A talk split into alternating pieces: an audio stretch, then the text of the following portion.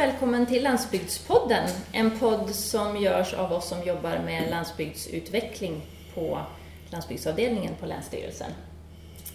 Idag så är vi ute eh, i världen och på fältet och eh, med är jag, Ingrid Gullbrand, som är enhetschef och ansvarar för eh, arbetet med landsbygdsutvecklingen. Bredvid mig sitter Robert Fredriksson som vi besöker idag som är ekologisk mjölkbonde med ett stort miljöintresse. Stämmer ja. Mm. Mm. Med oss har vi också... Jag är Erika Kvarnlöv som också jobbar på Länsstyrelsen och eh, med informationsfrågor, bland annat redaktör för tidningen Jordbiten. Ja, och eh, Fredrik Fredriksson. Eh, vi kan redan säga nu att jag och Robert är inte släkt. Det råkar bara falla sig så här idag. Och jag jobbar med miljömål på kors och tvärsen och vattenfrågor och landsbygdsutvecklingsfrågor på olika håll och kanter. Mm.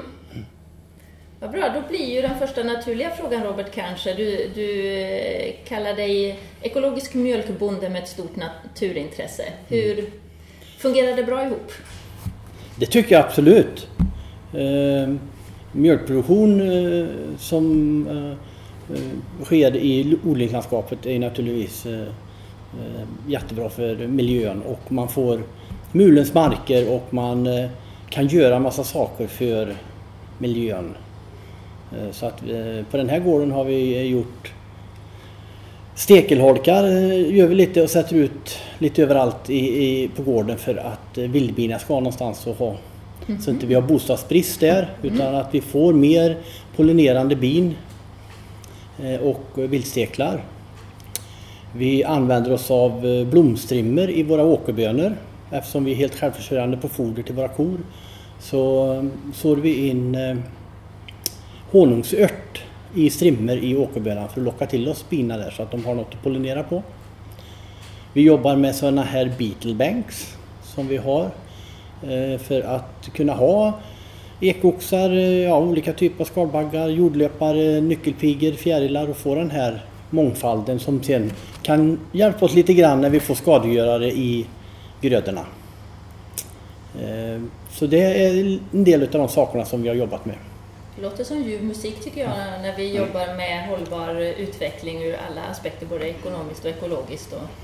Ja, och saker och ting hänger ihop. Uh -huh. det här, ditt miljöintresse, är det någonting du har haft med dig sedan tidigt eller någonting som har vuxit? Eller hur?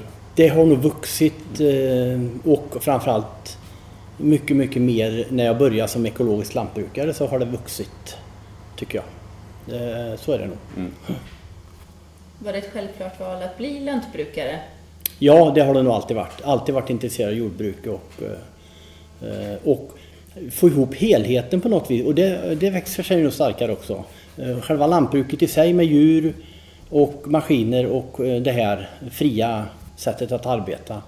Men det här att bli självförsörjande på foder och, och nu kanske vi tittar på kanske få upp solceller på taket. Vi har ju köpt eh, certifierad el i, i många år men kanske var lite självförsörjande med el också. Mm. För att vi har lagt över mycket av eh, tekniken istället för att använda diesel så har vi, använder vi el, har vi gjort i många år. Alla stallarna har självdragsventilation för att slippa fläktar. Eh, och nu i år började vi 1 januari att köp, köra alla våra traktorer på HVO. Mm. Eh, och då ska man eh, enligt expertisen sänka sin eh, koldioxidbelastning med 90 procent. Mm. Så att då blir våran mjölk väldigt klimatsmart. Ja, Använder ni det i marknadsföringen? Nej, vi har inte gjort det än för att nu, det är först nu vi har skördat första och nu kommer ensilaget in som är skördat med HVO. Så att, mm. Men vi kommer nog puffa med det lite framöver att eh, vi använder ett drivmedel som eh, är betydligt bättre för miljön. Då. Mm. I och med att vi har ett eget mejeri och en egen butik så kan vi marknadsföra det genom det också. Då. Mm. Säljer ni all mjölk ni producerar där? Eller? Nej, Nej utan det är en liten del bara. Ja. Ja. Utan huvudsaken går ut till Arla. Mm. Men vi har en, ligger nära Skövde kommun och det är tre år sedan snart som vi startade. Nej, två år sedan 16 startade vi ett eh, gårdsmejeri. Och säljer mjölk, yoghurt, honung och eh, olja, rapsolja. Som eh, vi säljer till Skeby Energi och tar tillbaks oljan. Mm. Mm och det vore önskvärt med lite mer produkter men det kanske kommer. Ja. Det får vi se.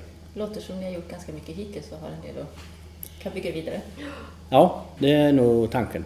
Det är bara eh, tidsbrist för närvarande som gör att det, ja, men det kanske kommer. Mm. Hur, hos oss, så, eh, hos väldigt många som jobbar med miljöfrågor och hållbarhetsfrågor så är man så engagerad och man nästan går in i väggen i sitt arbete. Och ibland kan, pratar vi kring det här, hur kan man jobba hållbart med hållbarheten? Liksom. Hur, hur tänker du kring det? Har du också ett hållbart arbetsliv kopplat till de här frågorna att göra? Eller är det risk att man springer på tusen olika bollar? Eller man... Ja, det är nog ganska lätt att göra det faktiskt. Man blir väldigt engagerad och eh, eh så. Men lite ordning och reda i arbetslivet också. Eh, reflektion. Eh, och eh, sen får man försöka skapa sig ett liv så att man kan ta lite semestrar och några lediga helger och sluta arbeta i tid på kvällen och det behöver inte alltid bli sent på kvällar och så utan försöka få lite struktur i det där. Vila och reflektion. Mm. Eh, för många bollar man springer på så alla är ju inte rätt. Nej. Nej. Utan ibland så ser jag det här är ju helt, helt galet alltså. Ja. Då får man lära sig någonting av det. Ja, det är då min far får rätt när han står och skakar på huvudet. ja, ja. Eh, du har ju en fru eller sambo också som ja. jag vet eh, delvis har ett vanligt jobb, åker iväg till jobbet. Ja. Hur, hur, hur, har ni resonerat kring det? Att det var hon som skulle jobba och du som är i lägården eller i lantbruket? Det var nog ganska självklart från början att eh, hon, eh, hon, har så, hon har ju en hög utbildning och, och det är ganska bra tror jag också för det här med reflektion mm. att ha en som är utanför företaget. Hon sköter ju mycket av företagets... Eh, hon sköter all eh, ekonomisk redovisning kan man säga. Ja. Och jag sköter, sköter all som har med produktionen att göra. Eh, så har vi delat upp det och sen har ju hon en heltidsanställning inom länsstyrelsen, eller Västra Götalandsregionen. Och jag tror det är ganska bra faktiskt för att då får man annan input och man, ja, och man har sina roller och hon är ändå väldigt delaktig i både i, mejeri och butik och i företaget för mm. att hon har den kopplingen då. Så att det funkar bra. Ja. Ja, ni har en tydlig beslutsprocess kopplat till om ni skulle göra en ny inriktning så sitter ni och diskuterar? Och... Ja, det gör vi. Det här med mejeriet och butiken, det satt vi och diskuterade länge hur vi skulle göra med det där. Jag var inte så jätte eh, på det. Faktiskt. Det var hon som fick igenom sin, sin Men sen eh, sökte hon upp eh, små, småproducenter i väst. Lokalproducenter i väst heter det. Lokalproducenter i väst.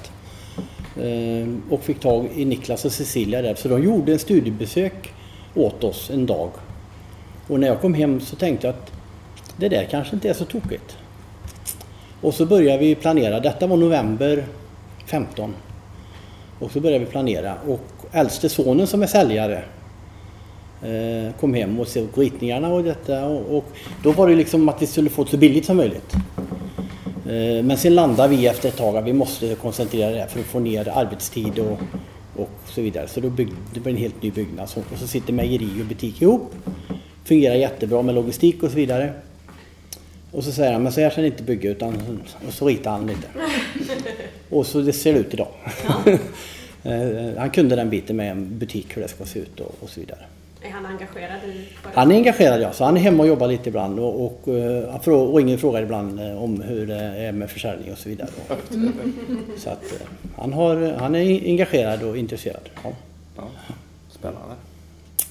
Det här, du nämnde det tidigare att, att ni ligger nära Skövde samhälle. Liksom, hur, hur ser du på det? Jag, jag bor ju i Partille själv och där finns det ett lantbruk som också säljer mjölk på gården som du gör och där finns ju samma utmaningar. Liksom, att det, det tillför kommunen och, och tätorten jättemycket men det finns också den här bostadsbristen. Det är inte bara steklar utan även oss människor och det ska expandera. Mm. Hur upplever du det? Det är ju en påtaglig risk för den här gården att den kommer försvinna på sikt. Ja. Eh, städerna växer. Och eh, egentligen ska man väl bara försöka förhindra dem att växa på åkermark. Mm. Men sen finns det ju så många andra värden att ta hänsyn till vid byggnation. Så att, och det är billigt att bygga på åkermark. Framförallt industritomter. Och det ligger oss i fatet, så är det. Mm. Det är en uppenbar risk att de gårdarna som ligger nära försvinner på grund av att städerna expanderar. Mm. Så är det. det. det. får vi leva med. Men samtidigt så diskuterar vi det här med livsmedelsstrategi, självförsörjningsfrågor och det närproducerade och så vidare.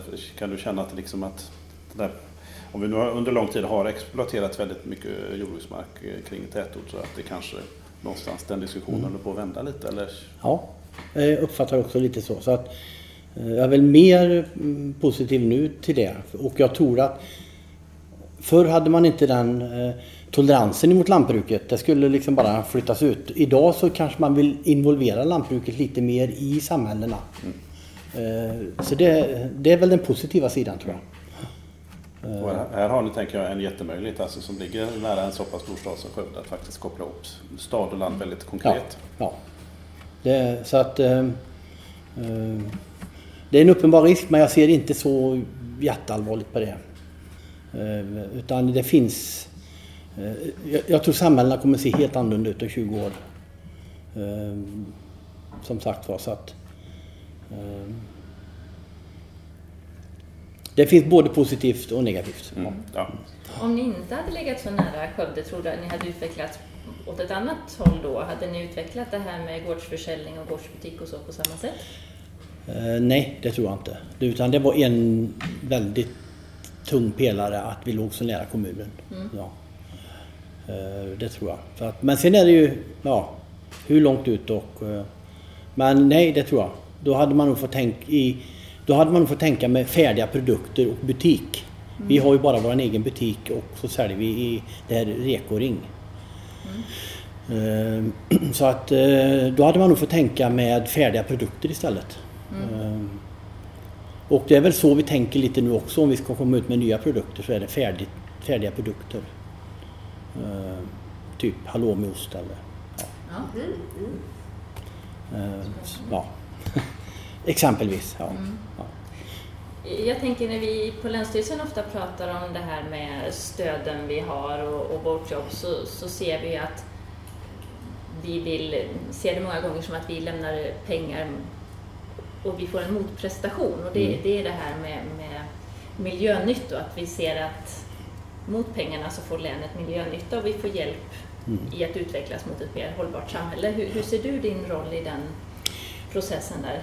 Där har vi använt miljöstöden eh, mycket och framförallt det här med eh, fånggröda och vårbearbetning. Det hoppar jag på väldigt tidigt och har kört väldigt hårt med för att jag anser att Jorden måste må bra av att alltid vara bevuxen.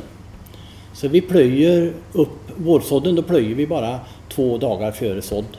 Och då är den bevuxen med en fånggröda. Dels så har du en liten gröngödsling, du har rötter som är eh, ja, i jorden och framförallt så eh, ligger den inte öppen för erosion av mullämnen och eh, näringsämnen över hela vintern. Med, Eh, snö och regn. Och, utan då har man någonting som det växer. Och jag tror att eh, det rinner bort mindre näringsämne och mindre mullhalt mm. när den är bevuxen. Och jag tror att vi har kört det här nu i tio, ja det är över tio år som vi har eh, vårplöjt. Och här har vi i stort sett 100% lättlera. Mm. Så att det är lite timing men kommer man rätt så funkar det bra. I år är ju inget referensår.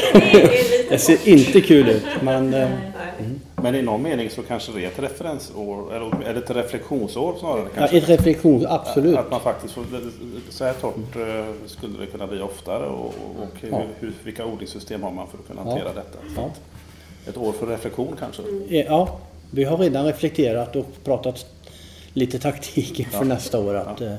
Vad vi har gjort som misstag i år, ja. som vi kan se. Men jag tror vi kommer fortsätta använda de miljöstöden för att förbättra våra äh, marker. Äh, framförallt mullhalten då på de här äh, lite tunna lerjordarna. Och vi jobbade även i fjol och det ser faktiskt väldigt bra ut. Vi sådde oljerättika efter rapsen. Och den, blev, den ska bli 45 cm hög på 50 dagar men det var också lite torka där så att, men vi hade väl uppe den i alla fall på en 30 cm.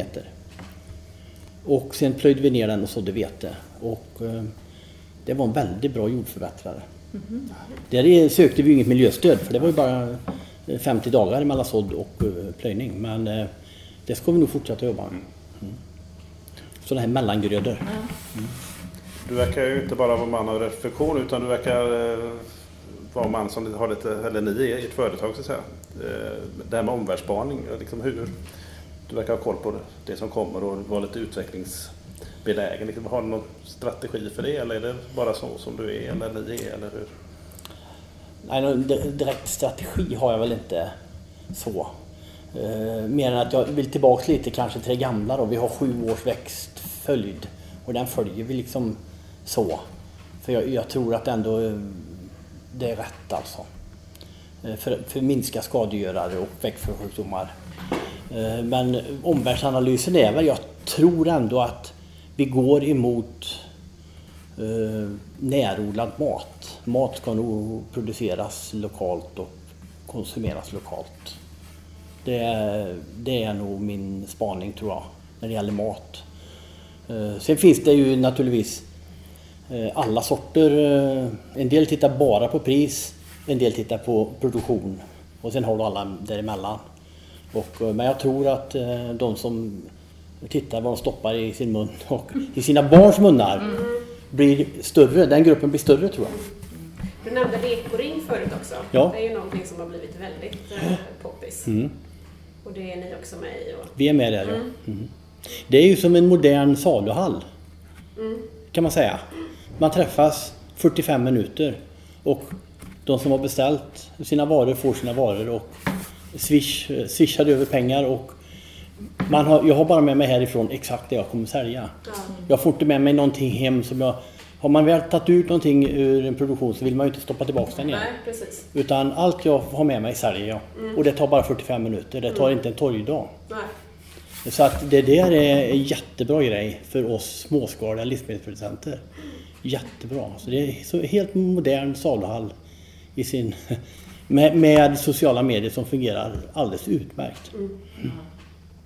Det, som vi var inne på tidigare så, så pratas det ju mycket mer om en hållbar svensk livsmedelsproduktion och den nya livsmedelsstrategin för att stärka livsmedelskedjan. Du som, som lantbrukare och livsmedelsproducent, vad ser du saknas? Vad ser du som skulle vara en, en, en, den första förbättringen eller förenklingen som skulle kunna komma till för att det skulle kunna bli lättare att få en hållbar livsmedelsproduktion? Ja, det är en stor fråga. Det är en stor fråga. Där, där är man också inne lite på politiska beslut. Kanske.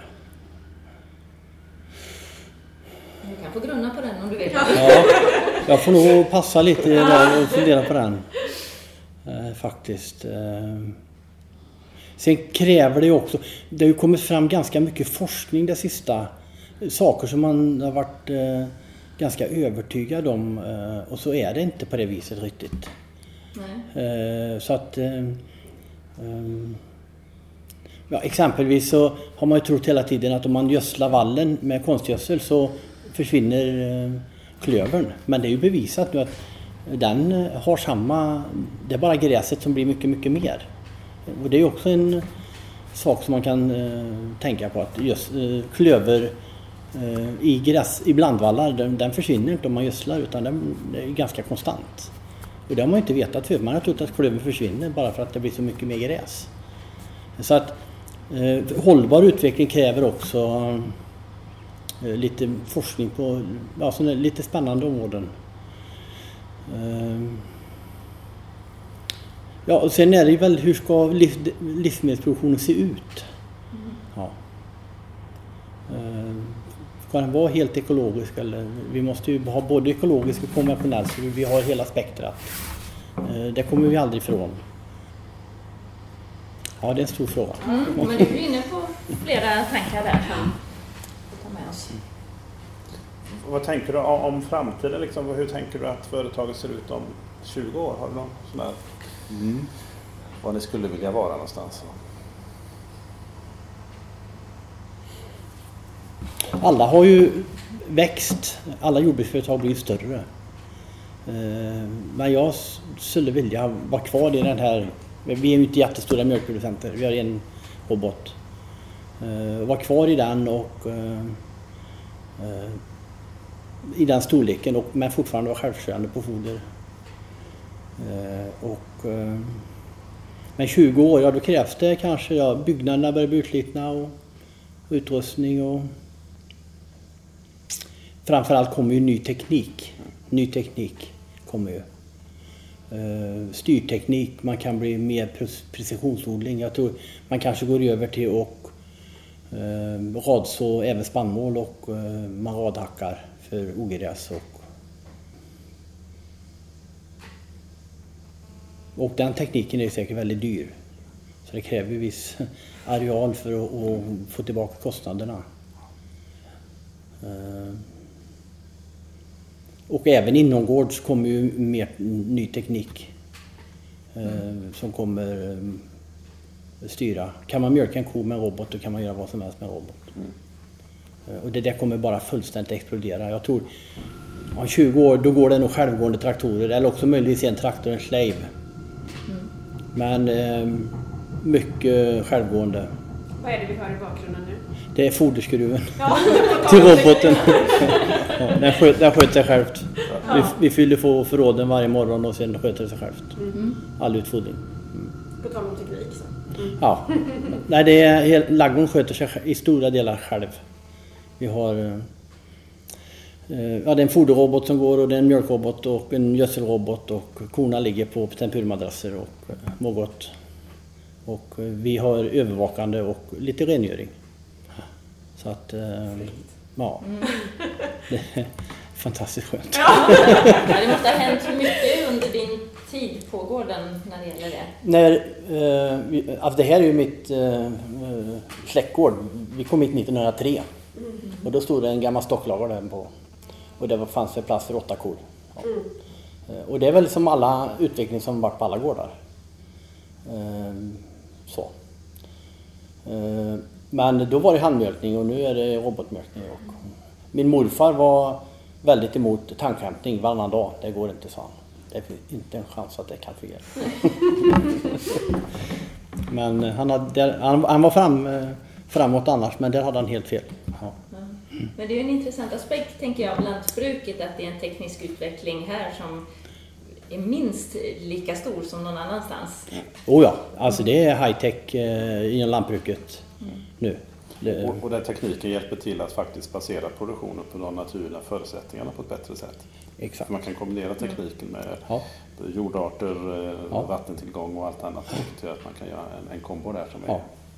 för, både för miljön och ekonomin och Ja. inte minst för arbetsmiljön så att säga. Att man Ja, kroppsligen blir mindre betungande. Och det har väl varit eh, en riktig resa som jag har varit med om, eh, arbetsmiljön på gården. Eh, alla gårdar, att den har blivit betydligt bättre. Och det kommer också tekniken fram, det här som vi kanske har varit lite vårdslösa med, men vanlig naturgödsel. Den kommer läggas ut med betydligt högre precision om 20 år, det tror jag. Eh, och eh, ja, för det är en riktig resurs alltså som man ska vara aktsam om.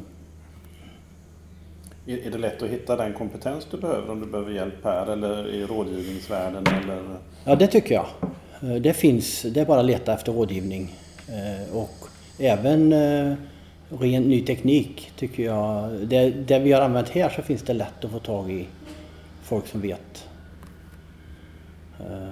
Det tycker jag inte är svårt. Eh, Vad man behöver, och det kanske blir lättare framöver när, när det vi kliver in i mer teknikbaserad produktion och hitta kompetent yrkesfolk. Det kommer att vara ett litet bekymmer framöver. Mm. Som eh, dels tycker att det här är kul och har kompetensen. Hur är det idag om ni ska få semester och så? Vad... Vi har, jag har två anställda och eh, vi planerar för året och sen när vi ska åka på vår semester så kan vi åka. Eh, det är inga problem. Han har varit här i, han har jobbat här i 12 år nu tror jag. Ja, väl inkörd. Han, eh, jag kan åka utan att vara nervös och han, ja, vi har en, en, kort dialog på morgonen när jag är borta och sen och för det mesta så är det aldrig någonting utan. Så att jag sitter i, en, där sitter jag i en väldigt gynnsam sits. Mm. Att jag kan åka hemifrån i stort sett när jag vill. Eh, men så, det kan vara svårt. Men om man slutar då blir det jobbigt det är klart. och hitta en ny och lära upp.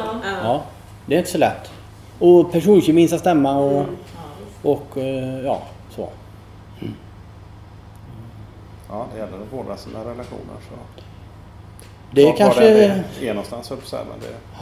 det kanske är ett av de absolut viktigaste att ha eh, bra relationer med sina anställda. Mm. För det är ändå den viktigaste resursen.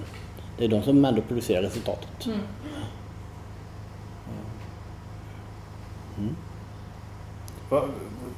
Ska vi inte landa och grotta ner oss i landsbygdsprogrammet? Men jag bara så här, vad, hur, vad betyder det för dig? Liksom? Är det en jätteviktig möjlighet eller verktyg för, för dig i din utveckling? Är det företaget eller är det det mest krångel? Eller hur? Är det den hjälp som det ändå syftar till att vara känner du? Eller?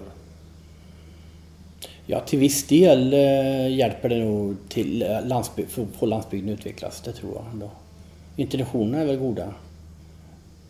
Du fick stöd i förra programperioden eh, såg vi när vi kom in, det satt en fin skylt utanför dörren med information om att du hade fått investeringsstöd. Ja, mm. och, och ehm, det är ju tacksamt naturligtvis att få investeringsstöd. Det, det, kan jag inte förneka. Så. Och vi har även fått investeringsstöd för det här gårdsbutiken och mejeriet fick vi också. Ja, mm. Och det är klart, ehm, och det visste vi inte riktigt om vi skulle få då men sen bestämdes det att det var helt okej okay, så då fick vi det. Eh, och det är klart att det hjälper till att utveckla landsbygden, så är det ju. Eh, det är ju fel att säga något annat. Eh, sen är inte jag riktigt helt på det klara med hur hela landsbygdsprogrammet ser ut. Det är få som är. Ja. Men du, jag, jag, tänker, du som ändå då har varit med och sökt två olika stöd och det kanske var i förra perioden båda, men har du medskick? För nu sitter man ju och planerar nästa programperiod. Det är mycket papper att fylla i och, och det är klart alltså, det handlar också om mycket pengar. Så att, eh, det är, det, förenkling är bra. förenkling är bra. Men eh, sen förstår jag också att man måste göra saker och ting rätt. Eh, så att eh, Kan man förenkla så är det bra. Mm. Ehm, ja. Ja, det, ja, det håller vi väl med om. Förenkling är bra. Kopplat till livsmedels eller matproduktionen så, så, finns det massor av andra diskussioner. Det är klimatfrågan och det är alla möjliga andra frågor. Hur, liksom, hur upplever du den diskussionen som finns? Som, är, som jag tycker, den landar aldrig i någon slags tydlig syntes utan det är antingen eller hela tiden. Där är vi ganska eniga. Eh, och Eh, tycker väl egentligen att politikerna kanske skulle sätta ner foten lite hårdare och visa att den här vägen eh, tror vi på. Sen finns det alltid justeringar att göra ut med, med vägen men eh, det är vissa lobbyister som kanske styr lite för mycket i miljödebatten. Det är min uppfattning. Så jag sa, jag hade en diskussion med en kollega för ett tag sedan. Jag sa det att man kanske skulle slänga ut alla lobbyister för EU-parlamentet. Det kanske vore nyttigt. det var lite med glimten i ögat faktiskt. Men eh, de är ju där för att påverka åt sitt håll och det finns ju alla branscher där. Men du känner dig trygg i, i din roll som... Eller kan du tänka att... Eller, ja, du är en miljöbelastare idag eller? Nej, jag tycker inte att jag belastar miljön så. Utan eh, eh, eh, jordbruket är en grundpelare i, i samhällsbyggnaden och eh, kommer vara så. Eh, för matproduktion och Sen tycker jag väl kanske att politikerna skulle titta lite mer på självförsörjningsgrad och, och eh, lite sådana saker. Eh, när man nu rustar upp försvaret så kanske man även skulle titta på självförsörjningsgrad på mat och, och sådana saker. Det är väldigt aktuella frågor i Ja, dagsläget. det är det. Ja. Eh, Det kanske kommer. Eh, Men jag tycker inte att... Utan att vi eh, belastar inte miljön utan vi, vi tillför till samhället. Eh, Det känner jag i min roll som den är nu. Det är en förutsättning för att utvecklingen ska fortsätta framåt på ett hållbart sätt. Ja, Vi måste väl nästan eh, fråga, och du berättade här när vi skulle komma att du hade annat besök i förmiddags också. ja. På tal om miljö. Jag fick eh, Centerns miljöpris eh, som vi delade med Esbjörnstorps gård eh, idag. Och det var väldigt kul och trevligt och eh, ett kvitto på att vi gör eh, saker som uppskattas. För, för de som inte känner till det här priset, vad, vad, vad är det för kriterier eller vad är det man ska göra för att få det? Ja, man ska väl eh, göra någonting som eh, gynnar miljön och eh, eh, ja, konsumentnytta eh, så att säga. Och eh, lokalt. Ja, det får vi gratulera Ja. till absolut. Ja. Ja, tack så mycket. Ja. Det är trevligt. Hur... Eh, du pratade om att din eh, son var med i företaget lite grann. Ja, han. Är det någon som kommer ta över här? Eller hur, hur, liksom, har ni sådana diskussioner redan nu? Eller? Vi börjar väl nosa lite på det. Faktiskt. Eh, Den som är anställd här hos mig, det är min brorson. Mm. Så att... eh, eh, Men sen hur vi ska lösa det här med, det vet vi inte riktigt än faktiskt. Men vi hoppas ju att någon ska kliva i efter, efter oss här. Och, eh, och det är väl någonting som vi börjar titta på nu. Det är väl en av de stora utmaningarna idag, just det här med generationsskiften och hur, hur det ska gå Ja. till och hur man ska kunna lämna över eller ta över och så. Det, det är en jätteproblem egentligen för eh, dels så har ju företaget investerat och växt och det skapas kapital. Och sen har vi den hela kapital, eh, kapitaltillväxten i fastigheter som eh, har varit extrem kan man säga. Och, och det är ju en jättestor bit att lösa. Eh, samtidigt som man eh, den generationen som kliver på måste ju ha en vettig chans att att klara detta. Eh, Och alla fastigheter är ju värda jättemycket pengar numera. Eh, Det var ju mycket lättare när jag började för 36 år sedan. då var det inte... Då, man tyckte det var mycket pengar då men då, det var liksom ingenting egentligen. Det var väldigt enkelt. Eh, Och jag, och det, men vi jobbade också med att jag, jag köpte en tredjedel och sen har jag eh, mer och mer. eh, Och eh, köpt in eh, maskiner och djur. Och sen tog över hela fastigheten i steg. Och det är nog så det måste ske. Eh, Så att eh, man lägger väl eh, djur och maskiner i ett produktionsbolag och så har man ett produktionsbolag som står för produktionen och så får man se hur man gör med fastigheten längre fram. Det är nog så. Det, det är den möjligheten man har idag, tror jag. Ja. Men ni verkar ju ute och tänka i god tid och det är väl en förutsättning då för att det ska fungera på ett bra sätt kanske. Ja. Om du nu du börjar vid början av 80-talet mm. här då. Då har du varit med om en period där vi var tämligen liksom reglerade. Vi var inte med i EU. Så hade vi mm. omställningsperioden som var väldigt kort och sen gick vi med i, i EU. Liksom var, mm. Vad drar du för reflektioner av det där kopplat till att vara lantbrukare? Liksom? Var, det, var det bättre förr eller är det bättre nu? Eller är det... Du har nog större möjligheter idag egentligen. Och då upp, överblickar man inte världs, eh, globalt överhuvudtaget. Eh, det kan man ju göra på ett annat sätt idag. Dels blir vi tvingade för att vi lever på en global marknad med mjölken. Säljer man till Arla så de jobbar på en global marknad. Då diskuterar man inte det på 80-talet överhuvudtaget utan då då var det pris alltså. Då var det, ja, och jaha, hur går det med förhandlingen med staten i år då? Det var den diskussionen man hade. och, um, så på det viset så är det ju bättre nu naturligtvis. Och, eh, jag är ju en stor förespråkare för frihandel. Jag tror att eh, som Trump nu gör stänger ståltullar för att skydda sin uruselt underhållna stålindustri som inte kan konkurrera i världen. Då bygger han bara i risk kring egen rygg på sikt.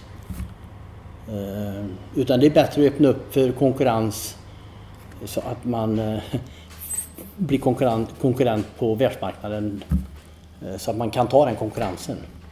Det är min åsikt. Och det gäller väl även mjölken och då var vi skyddade med tullar och vi hade Skärholmsdamerna, de var väl lite tidigare, de var på 70-talet. Ja. Och det blev subventioner in. Eh, och subventioner hamnar ju aldrig rätt någon gång utan det blir andra som plockar till sig de pengarna. Och eh, Eh, det är ju så att säga avskalat idag utan nu vi kan producera för samma pris som i övriga världen och är tvingade att göra det. Och vi får, så fort det blir jobbigt så sänker våra priser och då får vi känna av marknaden. Sen är den marknaden väldigt svår i och med att vi ständigt producerar ett överskott. Och det är egentligen, vi skulle hamna i balans där. Det borde hade varit bra. Men hur man hamnar i balans på en global marknad med miljoner mjölkbönder. Det är svårt. Det går, det går inte. Va? Utan man får se till sitt egna mejeri. Ja. ja. men det är väl en, en strategi att kunna ta ut ett, ett högre pris själv att faktiskt... Ja, så är det. Ja. ja. Eh, det är, det är ett val som har gjort. Eh, och det är väl, vi låg nära kommunen och eh, vi kunde bygga ett mejeri och för att öka lönsamheten. Så det var ju en ekonomisk strategi. Mm, så är det ju. Det som jag, åtminstone jag är lite nyfiken på det är liksom hur dels dina drivkrafter så här lite grann som, som Ibland så målar vi upp lantbrukarna som att det är inte ett jobb utan det är ett sätt att leva och så vidare. Men det kan ju ibland så är det väl kanske inte. I vissa avseenden så är det naturligtvis olikt väldigt många andra yrken men det, det är klart att det finns andra drivkrafter också. Liksom, och, var man kommer ifrån och vart man vill och så vidare. Och, mm. Vad skulle du säga är dina drivkrafter i att hålla på med det här? Alltså det är, det är så kul att bygga saker och ting och se att det funkar. Det är drivkraften. Uh, och uh, det är klart vi lever med eh, väder, vind, regn. Men det har vi gjort i alla år och på något vis så fixar det sig. Så att, eh, ja, på sätt och vis, ja, sätt att leva, ja. Men eh, det får inte bli en ryggsäck att säga att, för då är det ju, då, kan, då ska man göra någonting annat. Mm. Och jag har ju ganska många år i andra sammanhang och jobbat som kollektivanställd. Och det ser jag ju på idag, det är många år sedan nu, men eh, att det är ju faktiskt väldigt bra att ha gjort det. Mm. För att eh, vi var 136 anställda på den tiden som jag var där och se hur saker och ting fungerar i olika avdelningar och man jobbar ihop och det är inte bara att gå dit och, och få sin lön utan eh, man måste prestera något och så vidare. Så att eh, det är väldigt bra att ha med sig i bagaget. Eh, men drivkraften är naturligtvis att bygga upp och skapa någonting Eh, som man tycker är unikt och som man brinner för och tycker är kul. Eh, det är min drivkraft. Ja. Och även få personalen att trivas. Och de, Mattias har varit här nu i sex eller sju år. Rickard har varit här i tolv år. Så att vi, vi lyckas i någon mån i alla fall. Och du har ju andats eh, alltså, nytänk och framåtanda och det känns ju som att den här drivkraften kommer göra att det, det kommer hända mer saker på gården. Vi har mycket att ta tag i. det har vi. Ja. Vi har en spannmålshantering som är undermålig så att där får vi nog kanske lägga lite krut framöver. Mm. Men eh, nya tankar och idéer eh, hur man kan förbättra sig, det kommer ju ständigt. Och man vill testa nya grejer, så är det. Och, och det är lika spännande varje gång. Mm, det blir spännande. Då kanske vi får komma tillbaka om några år och så får vi göra ett nytt eh, reportage och ett nytt samtal och se vad som har hänt. Ja, ni är välkomna.